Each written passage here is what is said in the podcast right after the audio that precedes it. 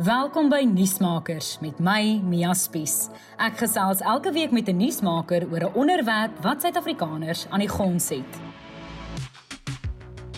Iemand het vroeër hierdie week met my gegrap en gesê koning Charles gaan teen hierdie pas meer eerste ministers as sy ma hê. Ek weet daarom nie want 15 eerste ministers het onder koningin Elizabeth gedien. Charles trek nou by sy tweede een nadat Liz Truss bedank het na net 45 dae in hierdie amp. Dis die kortste termyn in Brittanje se geskiedenis. Nou na 'n week van hoog drama aan die Britse politiek is die voormalige minister van Finansies, Rishi Sunak, as premier aangewys. Herman Pretorius van die Instituut vir Rasseverhoudinge hou die Britse politiek fyn dop. Hy gesels ver oggend met my. Herman, Liz Truss kon skaars 'n maand uithou. Wat het fout gegaan?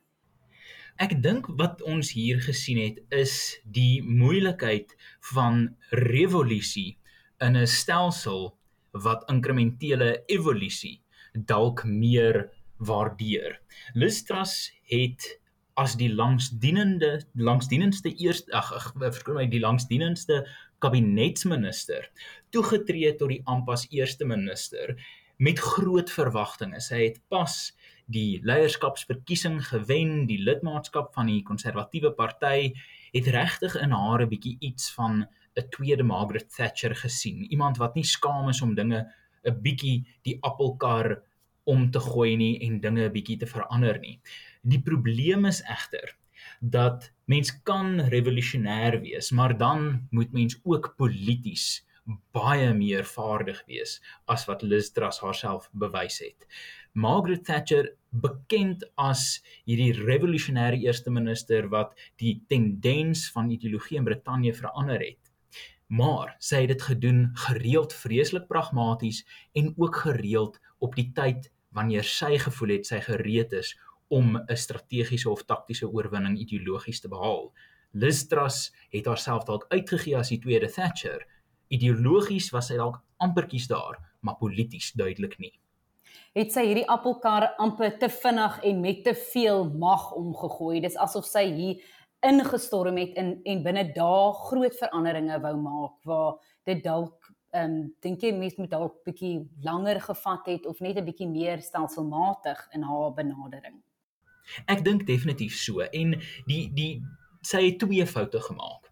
Een was om so vinnig soveel dinge te probeer verander. Nou, soos Rishi Sunak op die trappe van Downingstraat 10 gesê het, dit is lofwaardige motivering om ekonomiese groei te wil ontketen en daar is dalk drastiese besluite daarvoor nodig. Maar wat Truss gedoen het, was eenvoudig te drasties, te vinnig. Sy het verder gegaan as wat sy gesê het sy gaan in die Tory leierskapsverkiesing en die tweede fout wat sy gemaak het was om nie by haar standpunt te hou toe dinge moeilik raak nie. Dis baie interessant. Kwasi Kwarteng die uh uh kanselier van die skatkis of die chancellor of the exchequer het uh wat Truss uh se se noue bondgenoot vir baie jare in die politiek was, moes sy op die ou einde opoffer om haar eie premierskap te red en die ironie is dat Kwarteng vir haar gesê het Eerste minister, as jy my nou onder die bus gooi, gaan hulle jou uitgooi binne weke. Nou Kwarteng was verkeerd. Hulle het haar uitgegooi binne dae. En nog om die ironie verder op 'n ander dimensie van interessantheid te plaas, is Kwarteng 'n iemand met 'n doktorsgraad in ekonomiese geskiedenis en hy het 'n uitmuntende boek geskryf getiteld Thatcher's Trial wat gegaan het oor die hoogs kontroversiële onpopulêre begrotingsrede van Geoffrey Howe Thatcher se kanselier in 1981 en hoe teen alle hoë waarskynlikhede en teen klomp oppositie Thatcher dit tog reg gekry het om 'n kontroversiële radikale begroting aanvaar te kry in die laarhuis van die Britse parlement. Dit is tragies dat Kwarteng dalk die begrip gehad het van hoe Thatcher takties en strategies te werk moes gaan om so 'n plan aanvaar te kry, maar dat Truss eenvoudig nie daai politieke insig kon gehad het nie en hom onder die bus gegooi het in 'n poging om haarself te red. En toe self daar um, onder die bus beland het. Herman, kom ons praat oor Rishi Sunak, hierdie 42-jarige superryke. Wat weet ons van hom? Ons weet 'n paar goedjies van hom. Ons weet dat hy het um teen Truss verloor 'n uh, toe die Tories se uh, algemene lidmaatskap daaroor moes stem oor wie die Tory leier moet wees en al het hy verloor, is dit interessant en indrukwekkend dat hy amper beter gedoen het as verwag. Hy het oor die een hy het oor die 60000 stemme gekry teenoor Truss se 80000. Dit is nog steeds 'n stewige oorwinningsmarge vir Truss, maar dit is nie te versmaai dat Sunak beter gedoen het as wat klomp mense gedink het hy gaan nie. Mense het gedink Truss gaan hom in 'n eh, in 'n verhouding van 2 tot 1 klop en sy het toe nie. So daai is die eerste ding dat Sunak het dalk die hele tyd meer politieke aanklank gehad om te vind by die lidmaatskap as vermoed. Die tweede ding is soos jy sê hy is ongelooflik ryk. Ek dink hy is die rykste lid van die Britse uh, laarhuis in die geskiedenis. Derde ding, hy's jonk, hy is die jongste eerste minister sedert 1770 om die amp te begin beklee. Maar dan as mense bietjie meer interessant gaan kyk na polities ideologies waar sit hy? Hy anders as Truss ironies genoeg 'n Brexiteer, iemand wat in gunste was van Brexit tydens die referendum. Hy was die kanselier van die tesourie tydens die COVID krisis en hy het baie 'n uh, krediet ontvang vir sy sogenaamde furlough skema waardeur die staat ingetree het om werknemers se salarisse te betaal waar die werkgewers dit nie kon doen nie. Maar dan natuurlik kontroversieel was hy, ek gebruik die woord kontroversieel baie in hierdie potsending, maar nou ja. Ehm um, en was hy deel van die beweging om Boris Johnson in Julie hierdie jaar uit die amp van eerste minister en party leier te lig en dit het sy politieke kapitaal binne die konservatiewe party grootliks geaffekteer. Voor dit was hy baie populêr, gereeld gesien as die populairste kabinetsminister in Johnson se kabinet.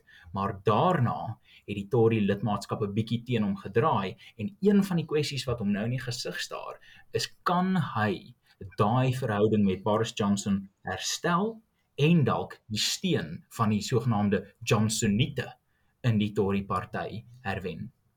Kom ons praat net vir 'n oomblik oor sy rykdom. Ons weet natuurlik hy is ryker as die ontslape koningin Elizabeth en hierdie geld, hy is ook 'n selfgemaakte man hoor ons. Ons wil nou 'n bietjie meer daaroor hoor, maar dit kom ook baie van sy vrou af. So sover ek verstaan is Akshata se pa amper soos die Bill Gates van Indië. Ja, Nee, so ek moet sê dit is uh dit is dalk 'n stukkie advies vir enige aspirante politici daar buite is um vind vir jou die dogter van 'n Indiese multimiljardêr en jy het dalk 'n goeie kans om die inwoner van Downingstraat 10 te word. Maar er op 'n ernstige noot is dit 'n politieke uitdaging vir Sunak. Nou natuurlik, hy is duidelik 'n knap ouetjie. Hy is duidelik iemand wat deur sy loopbaan klomp mense se respek gewen het. En mens kan natuurlik nie uh soos soos mense gereeld smeek, uh, mens kan nie sy uh, sy uh, skoon familie teen hom hou nie. Maar die realiteit polities is dat ons dit al en, ons het al reeds gesien van die arbeidersparty dat dit is een van die politieke taktieke wat hulle gaan gebruik. Die realiteit polities is dat te midde van 'n krisis van finansiële en ekonomiese proporsies waar algemene mense sukkel om van maandeinde tot maandeinde te oorleef, is dit dalk 'n bietjie riskant vir Sunak om hierdie multi multi multi miljonair te wees, want die vraag wat hom deurlopend gaan bespook is of hy werklik die swaar kry, die finansiële en ekonomiese swaar kry van mense op algemene vlak kan verstaan.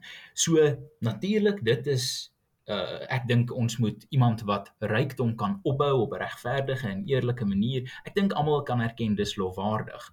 Maar polities as jy die leier wil wees van 'n land waar mense besig is om swaar te kry en jy is 730 100 mil ag 730 miljoen pond sterk, dan het jy 'n kwesbare punt wat jou opponente definitief gaan uitbuit. Die Verenigde Koninkryk het groot uitdagings wat hulle op die oomblik in die gesig staar. Hulle het selfs ook 'n kragkrisis en ons ken dit al te goed. Dink jy hy sal die pyp kan rook en ten minste langer as sy voorganger oorleef in daai amp en dink jy hy het dit in hom om hier werklik 'n verskil te kan maak? Wel, ek dink dit sal moeilik wees om korter as sy voorganger te oorleef. So ek dink daai maatstaf van sukses tel dalk in sy guns. Daar is rede om te dink dat Sunak hierdie onstuimigheid polities en andersins kan oorleef.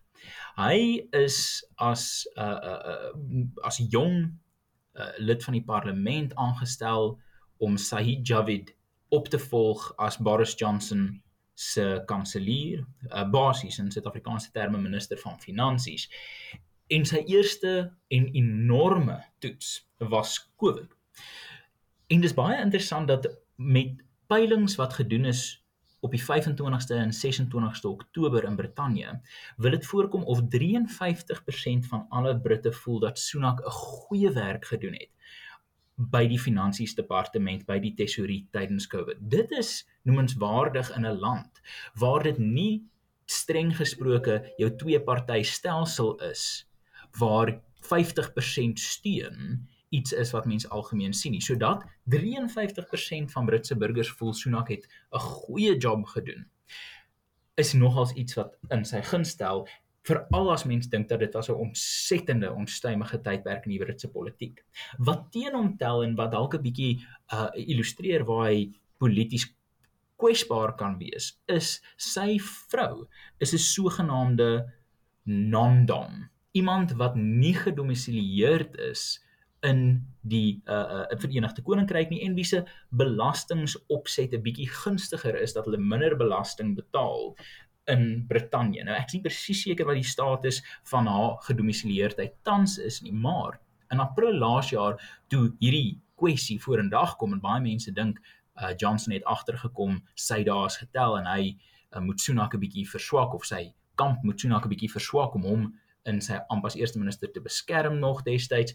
Toe hierdie kwessie vorendag kom, het Sunak se populariteit nogals onder die publiek 'n knou gekry en dit het voorgekom asof hy nogals dunvellig reageer. Nou mense kan dit verstaan, mense mense familie is dalk iets wat mense nie wil betrek by politieke moddergooiery nie. Maar die feit dat Sunak al reeds 'n politieke kwesbaarheid gewys het wanneer dit kom by kwessies wat moontlik inspel tot sy rykdom en die voordele wat rykdom dalk bring en ons kan sien dat dit het al sy populariteit geaffekteer Herman, dan die vraag wat ek altyd wil wil weet is hoe raak dit ons as Suid-Afrikaners? Hoekom moet ons omgee wie Brittanje se nuwe premier is? Wat se impak het dit direk op my en op my sak? Wel, ek dink die eerste ooglopende uh, rede is dat baie van ons het familie in daai deel van die wêreld. Ek dink op die 2020 data wat ek gesien het, is daar amper 250 000 Suid-Afrikaners in die Verenigde Koninkryk en die Britse eilande. So as daai mense vir ons belangrik is, ek het self familie daar, dan moet mens maar wonder hoe gaan dinge daar. So dis op 'n baie persoonlike, jy weet, alledaagse ek wonder hoe gaan dit met sis en so vlak. Maar dan op 'n meer 'n makro-ekonomiese skaal moet mens waardeer dat die Verenigde Koninkryk en Europa waarvan hy steeds deel is. Mens moet uh, daai onderskeid net tref tussen die Europese Unie en die kontinentale Europa. Europa en die Europese Unie waarvan Brittanje nou nie meer deel is nie, het 'n enorme rol vir Suid-Afrika om te speel as die bestemming van klomp van ons uitvoerprodukte veral in terme of op terme of wat ook van uitvoere van uh, landbou produkte. So wat daar gebeur ekonomies affekteer hoe baie ons plaaslike verskaffers alles van lemoene tot neute tot rooibostee kan verkoop in die Europese Unie en in Europa. So as daar onstuimigheid is in die Verenigde Koninkryk polities, word dit onstuimigheid ekonomies. As daar onstuimigheid is in die Verenigde Koninkryk, is daar altyd die risiko dat daai uh, 'n ripple effek van onstuimigheid kan uitkring na jou Europese Unie waar ons ook nie 'n baie stewige handelsbande het en dit affekteer die Suid-Afrikaanse makro-ekonomie op 'n uitvoer en invoer skaal. Dan op 'n kleiner skaal is natuurlik die invoer van Britse produkte, maar dit is 'n kleiner oorweging in die groter skema van dinge. Nuusmakers met Mia Spies is 'n produksie in samewerking met die Potgooi Produksiehuis Volume. Ons vervaardigers is Roland Perolt en Kairen Blau. Moenie volgende week se episode misloop nie wanneer ek weer by 'n kenner aanklop om lig te werp oor 'n kwessie waaroor ons meer moet weet.